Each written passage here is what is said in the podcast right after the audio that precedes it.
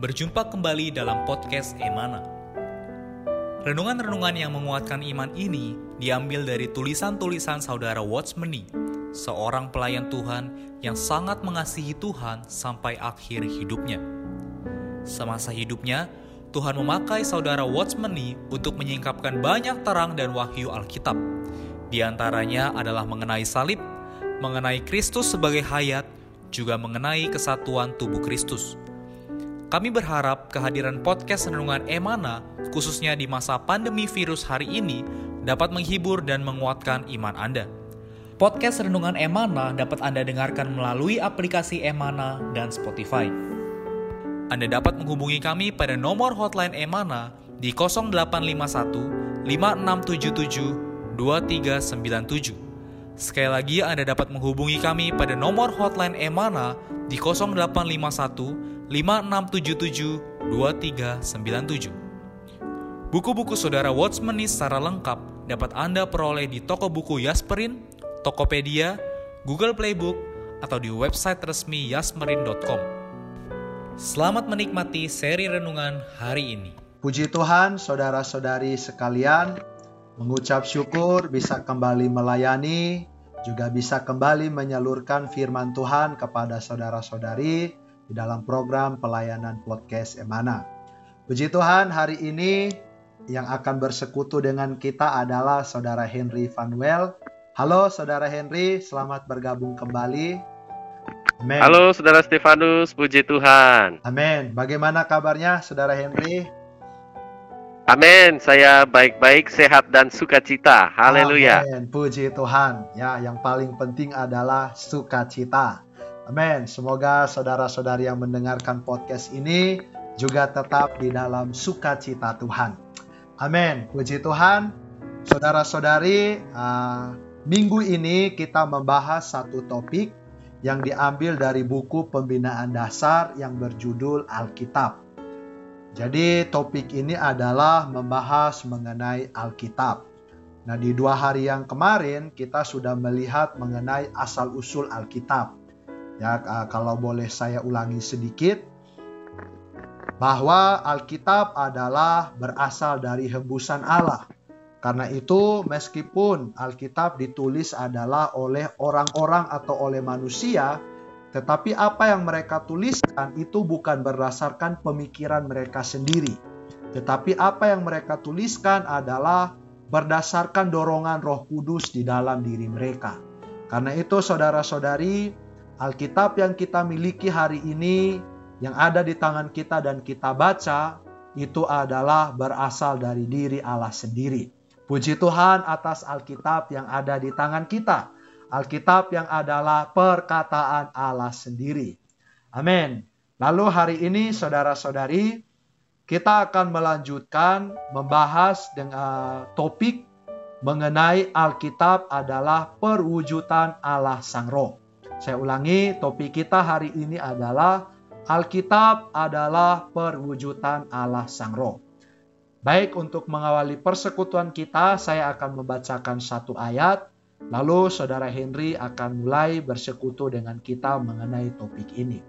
Saya bacakan di dalam Yohanes pasal 6 ayat 63. Di sini dikatakan, rohlah yang memberi hidup, daging sama sekali tidak berguna Perkataan-perkataan yang kukatakan kepadamu adalah roh dan hidup.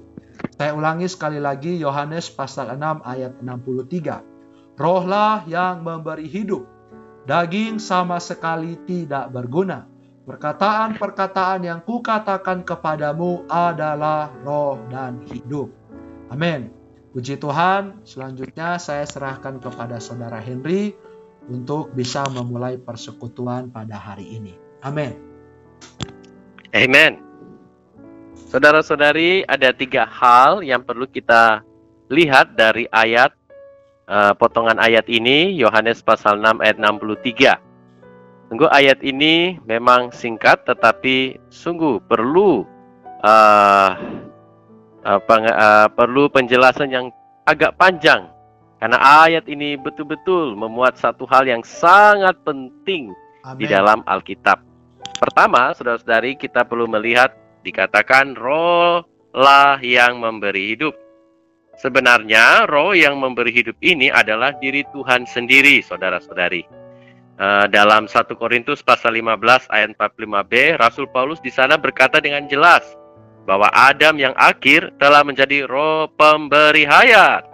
Oh, saudara-saudari, setelah kebangkitan dan melalui kebangkitan Tuhan Yesus yang telah menjadi daging, di dalam Yohanes pasal 1 ayat 14, sana dikatakan bahwa firman itu menjadi daging. Nah di sini, haleluya, Tuhan Yesus yang menjadi daging ini, amin, dia telah menjadi roh pemberi hayat. Sehingga dia bisa menjadi hayat dan suplai hayat kita. Amin. Saudara-saudari ketika kita menerima dia sebagai juru selamat, saat kita beroleh selamat, percaya dan dibaptis, saudara-saudari, amin, roh pemberi hayat ini segera masuk ke dalam kita. Memberikan hayat yang kekal kepada kita. Oh, saudara-saudari, yang kita terima adalah Tuhan sendiri. Tetapi yang kita dapatkan, amin, adalah roh pemberi hayat. Amen. Karena Tuhan hari ini adalah roh. Kedua, saudara-saudari mengenai daging sama sekali tidak berguna. Menurut konteks di sini, daging di sini sebenarnya mengacu kepada daging tubuh jasmani. Nah, di dalam ayat 51, dalam pasal yang sama, pasal 6, Tuhan berkata bahwa roti yang kuberikan ialah dagingku. Nah, orang-orang Yahudi tidak memahami perkataan Tuhan dengan benar. Mereka mengira bahwa Tuhan memberikan daging tubuh jasmaninya kepada mereka. Itu bisa kita lihat di dalam ayat 52. Bagi mereka, perkataan ini sungguh keras. Oh, saudara-saudari, karena makan tubuh atau daging Tuhan sendiri ini seperti seorang kanibal. Namun, Orang-orang Yahudi tidak memahami perkataan Tuhan yang sebenarnya. Karena itu, dalam ayat ini Tuhan menambahkan penjelasan bahwa dia tidak bermaksud memberikan daging tubuh jasmaninya untuk mereka makan. Nah, sebenarnya daging ini, yaitu daging jasmani manusia ini, tidaklah berguna. Tuhan mengatakan demikian. Akhirnya, yang akan dia berikan ialah roh pemberi hayat, yaitu Amen. dirinya sendiri dalam kebangkitan. Nah, terakhir, saudari, potongan frase yang terakhir ialah yang perlu kita lihat ialah perkataan-perkataan yang kukatakan kepadamu adalah roh dan hayat. Amin. Nah, istilah perkataan di sini adalah di dalam ayat 68, bahasa Yunaninya adalah rema. Perkataan di sini adalah rema. Artinya perkataan yang diucapkan seketika dan sekarang. Saudara-saudari ini berbeda dengan logos, yaitu perkataan yang selalu ada seperti firman dalam Yohanes pasal 1 ayat 1. Di sini saudari perkataan uh, yang menyinggung uh, roh itu, amen. Uh, dikatakan bahwa roh itu adalah hidup, real, tetapi sangat misterius, tidak terjama, sulit dipahami orang, sangat abstrak. Tetapi perkataan-perkataan di sini ialah konkret. Haleluya. Terlebih dulu Tuhan Yesus menunjukkan kepada kita bahwa dia perlu menjadi roh agar bisa menjadi hayat kepada manusia. Amin. Kemudian dia berkata bahwa perkataan-perkataan yang dia katakan adalah roh dan hayat. Amin. Ini menunjukkan bahwa perkataan-perkataannya adalah perwujudan roh hayat. Kini saudara-saudari di dalam kebangkitan dia adalah roh pemberi hayat. Dan roh ini diwujudkan di dalam perkataannya. Amin. Begitu kita menggunakan roh kita untuk menerima perkataan Tuhan, Oh, kita mendapatkan roh hayat itu. Saudari terkasih, kita perlu menggunakan roh kelahiran kembali kita ketika kita datang kepada Alkitab yang logos. Perkataan logos itu melalui mendoa bacakannya sampai firman itu menjadi suplai hayat, roh hayat bagi kita. Dan sepanjang hari, saudari, puji Tuhan, firman yang kita nikmati di pagi hari boleh menjadi firman yang rema sepanjang hari itu yang terus merawat diri kita. Haleluya. Amin. Puji Tuhan. Amin. Saudara-saudari, berdasarkan penjelasan saudara kita tadi, ya kita melihat bahwa di dalam ayat ini ya kita melihat bahwa Tuhan Yesus di dalam kebangkitannya telah menjadi roh pemberi hayat. Sehingga perkataan-perkataan yang dia ucapkan juga adalah roh dan hayat. Puji Tuhan, perkataan-perkataan yang diucapkan Tuhan Yesus adalah roh. Sehingga kita boleh menjamahnya dan bahkan perkataan-perkataannya itu adalah perwujudan dari roh itu sendiri. Puji Tuhan, sungguh satu ayat yang sangat kaya. Ya, semoga kita juga boleh meluangkan waktu untuk bisa berdoa dengan menggunakan ayat ini. Amin. Baik, saya akan membacakan uh, kutipan renungan, lalu saudara kita akan membantu kita untuk membahas lebih lanjut mengenai perkara ini. Amin. Di sini di kutipan yang pertama dikatakan Allah itu roh. Tetapi roh itu sangat abstrak. Roh itu seabstrak gelombang radio di udara. Sulit bagi manusia untuk menjamah dia ataupun memahaminya. Tetapi Alkitab itu adalah perwujudan dari roh ini. Yohanes 6 ayat 63 memperlihatkan kepada kita bahwa perkataan Allah adalah perwujudan dari Allah Sang Roh. Di dalam prinsip yang sama, jika hanya ada Allah Sang Roh di dalam alam semesta ini dan tidak ada Alkitab, Allah terhadap kita akan menjadi sama dengan gelombang-gelombang radio itu. Kita tidak dapat menggapai Dia atau mendapatkan Dia. Amin. Tetapi syukur kepada Allah bahwa firman-Nya ada di sini. Oh, firman ini adalah perwujudan dirinya sendiri. Puji Amen. Baik, silakan Saudara Henry boleh uh, memberikan persekutuan mengenai porsi renungan ini. Amin. Puji Tuhan, saudara-saudari kita bersyukur kepada Allah karena Dia memberi kita Alkitab yang di luar dan roh kita, roh kelahiran kembali kita yang di dalam.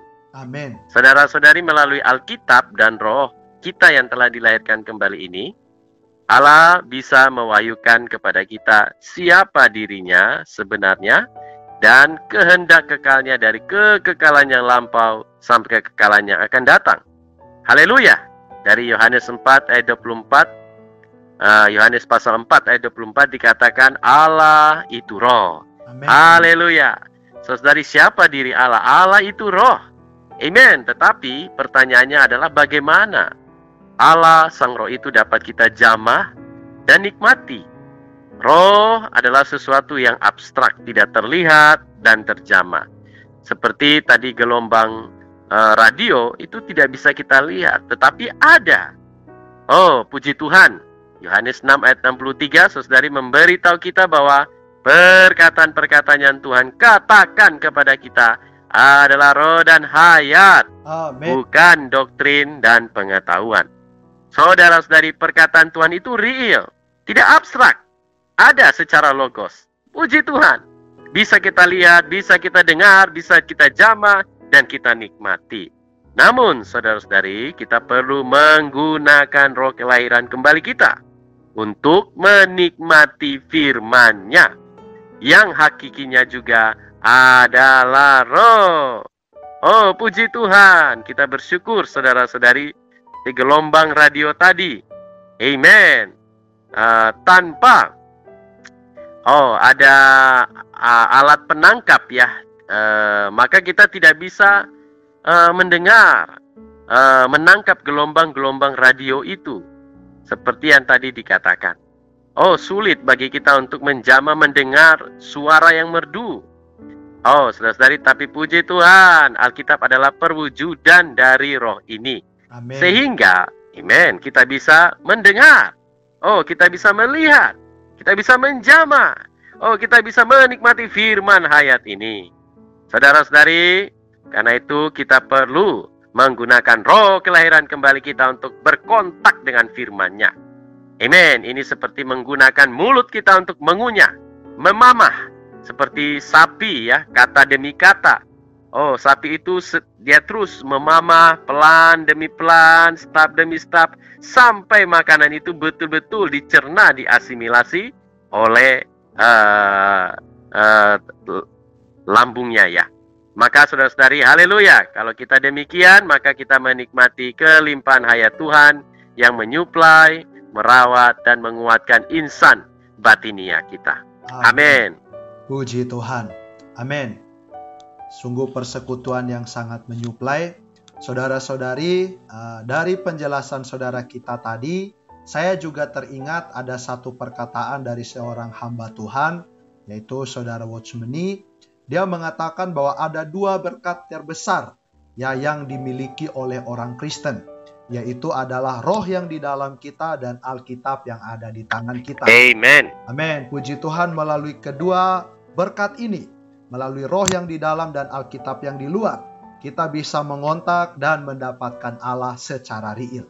Puji Tuhan, Allah tidak lagi menjadi sesuatu yang abstrak, tetapi Allah menjadi Allah yang real, yang bisa kita kontak, yang bisa kita nikmati dan bisa kita dapatkan. Amen. Amen. Semoga kita juga memustikakan ya membaca Alkitab yang ada di tangan kita, juga melatih roh dan berkontak dengan Allah di dalam roh kita sehingga Allah bisa kita realisasikan. Haleluya. Amin. Saya lanjutkan membacakan potongan renungan yang kedua. Di sini dikatakan bahwa pertama Alkitab adalah perwujudan Allah Sang Roh. Alkitab juga adalah ekspresi Allah Sang Roh. Hampir setiap kali kita digerakkan oleh Roh Kudus, gerakan ini adalah melalui firman Allah. Tidak pernah Roh Kudus mendesak kita dengan terpisah dari firman itu. Kadang-kadang gerakan roh itu melalui satu ayat yang Anda telah baca di dalam Alkitab. Kadang-kadang gerakan roh itu melalui beberapa perkataan yang dinyatakan oleh prinsip dari Alkitab itu. Alkitab sebagai perwujudan dari Allah Sang Roh bukan hanya adalah ekspresinya, tetapi juga tempat kediamannya. Allah Sang Roh tinggal di dalam firman-Nya. Alkitab adalah sarana Allah Sang Roh. Men, apa saja yang Allah lakukan terhadap kita dan apa saja yang Allah kehendaki untuk kita lakukan, dilakukan melalui firman-Nya. Puji Tuhan. Silakan Saudara Henry boleh bersekutu mengenai kursi renungan ini. Amin. Amen. Saudara-saudari, puji Tuhan, Allah kita adalah Allah yang memiliki pergerakan. Dia Allah yang terus bergerak maju. Namun, saudari, dia tidak akan bergerak maju tanpa perkataannya. Amin. Oh, pergerakan Allah adalah melalui dengan dan di dalam firman-Nya atau perkataannya. Amin. Di mana ada perkataan Allah, saudara-saudari, maka di sana ada pergerakan Allah. Amin. Oh, dan perkataan Allah adalah perwujudan dan ekspresi Allah Sang Roh itu. Oh, saudara-saudari, kalau kita baca dalam kitab Kisah Para Rasul, dikatakan bahwa jumlah murid itu semakin bertambah. Amin. Kenapa, saudari? Karena perkataan Allah, haleluya, semakin disebarluaskan. Ya. Firman itu semakin disebarluaskan, sehingga banyak orang boleh mendapatkan diri Allah sendiri. Ketika firman itu semakin disebarluaskan, itulah pergerakan Allah. Saudara-saudari, karena itu saudara-saudari semakin kita membaurkan roh kita, roh kita yang telah dilahirkan kembali ini dengan firman Tuhan. Melalui kita mendoakan, mendoa bacakan firman Tuhan. Maka semakin kita berada di dalam pergerakan Allah. Dan dipenuhi oleh roh dan hayatnya. Oh, saudari, Allah tidak akan bergerak tanpa firman-Nya. Dia bergerak di dalam kita melalui firman-Nya. Karena itu kalau kita tidak menikmati firman Tuhan, saudari, saya yakin sepanjang hari itu kita tidak ada perkataan Tuhan, pembicaraan Tuhan, tidak ada pergerakan Allah di dalam kita. Karena di dalam kita tidak ada kedudukan. Oh, firman Tuhan itu bertumbuh di dalam kita. Saudari, firman Tuhan adalah diri Tuhan sendiri. Amin. Amen. Ketika dia berbicara, sesungguhnya dia sedang bergerak, beroperasi di dalam kita. Tanpa kita bersatu dengan firman Tuhan, oh, kita tidak akan mengalami ha- hal ini. Kita tidak berbagian di dalam pergerakan Allah hari ini. Puji Tuhan, saudara-saudari, kita memiliki Alkitab yang di luar dan roh kelahiran kembali yang di dalam, sehingga kita bisa, kita tidak menempuh jalan kita sendiri dan tersesat tetapi kita berada di dalam arus pergerakan Allah yang batini dan yang terkini. Puji Amin. Tuhan. Puji Tuhan. Terima kasih Saudara Henry. Amin. Saudara-saudari, kita telah melihat dari penjelasan saudara kita bahwa Alkitab adalah sarana Allah untuk bergerak. Ya puji Tuhan, setiap pekerjaan Allah di atas diri kita ya dilaksanakan dan digenapkan melalui perkataannya yaitu firman-Nya. Karena itu apa saja yang Allah lakukan terhadap kita dan apa saja yang Allah kehendaki untuk kita lakukan, dilakukan melalui firman-Nya. Saudari, kiranya perkataan-perkataan ini mendorong kita untuk lebih memustikakan Alkitab yang ada di tangan kita, yaitu dengan kita membacanya, juga dengan melatih roh kita sehingga kita bisa menjamah Nah, apa yang sebenarnya Allah mau kerjakan di atas diri kita. Amin. Puji Tuhan, saya akan membacakan uh, sedikit perkataan kesimpulan dari persekutuan ini. Lalu saudara Henry akan memimpin menutup menutup persekutuan ini di dalam doa. Amin. Di sini dikatakan bahwa di dalam keadaan yang normal, kapan saja kita menjamah perkataan di dalam Alkitab, kita seharusnya menerima, menjamah, dan merasakan gerakan dari Allah Sang Roh, dan seharusnya berkontak dengan diri Allah sendiri. Inilah Alkitab. Apakah Alkitab itu? Alkitab adalah firman Allah, wahyu Allah, hembusan Allah, dan perwujudan dari Allah Sang Roh.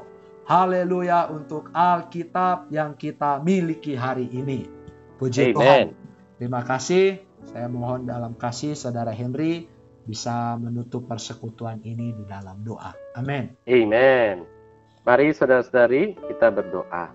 Amin. Tuhan Yesus kami cinta padamu. Tuhan kami juga mengasihi firman-Mu. Amin. Tanpa firman-Mu ya Tuhan, kami berada di dalam kegelapan.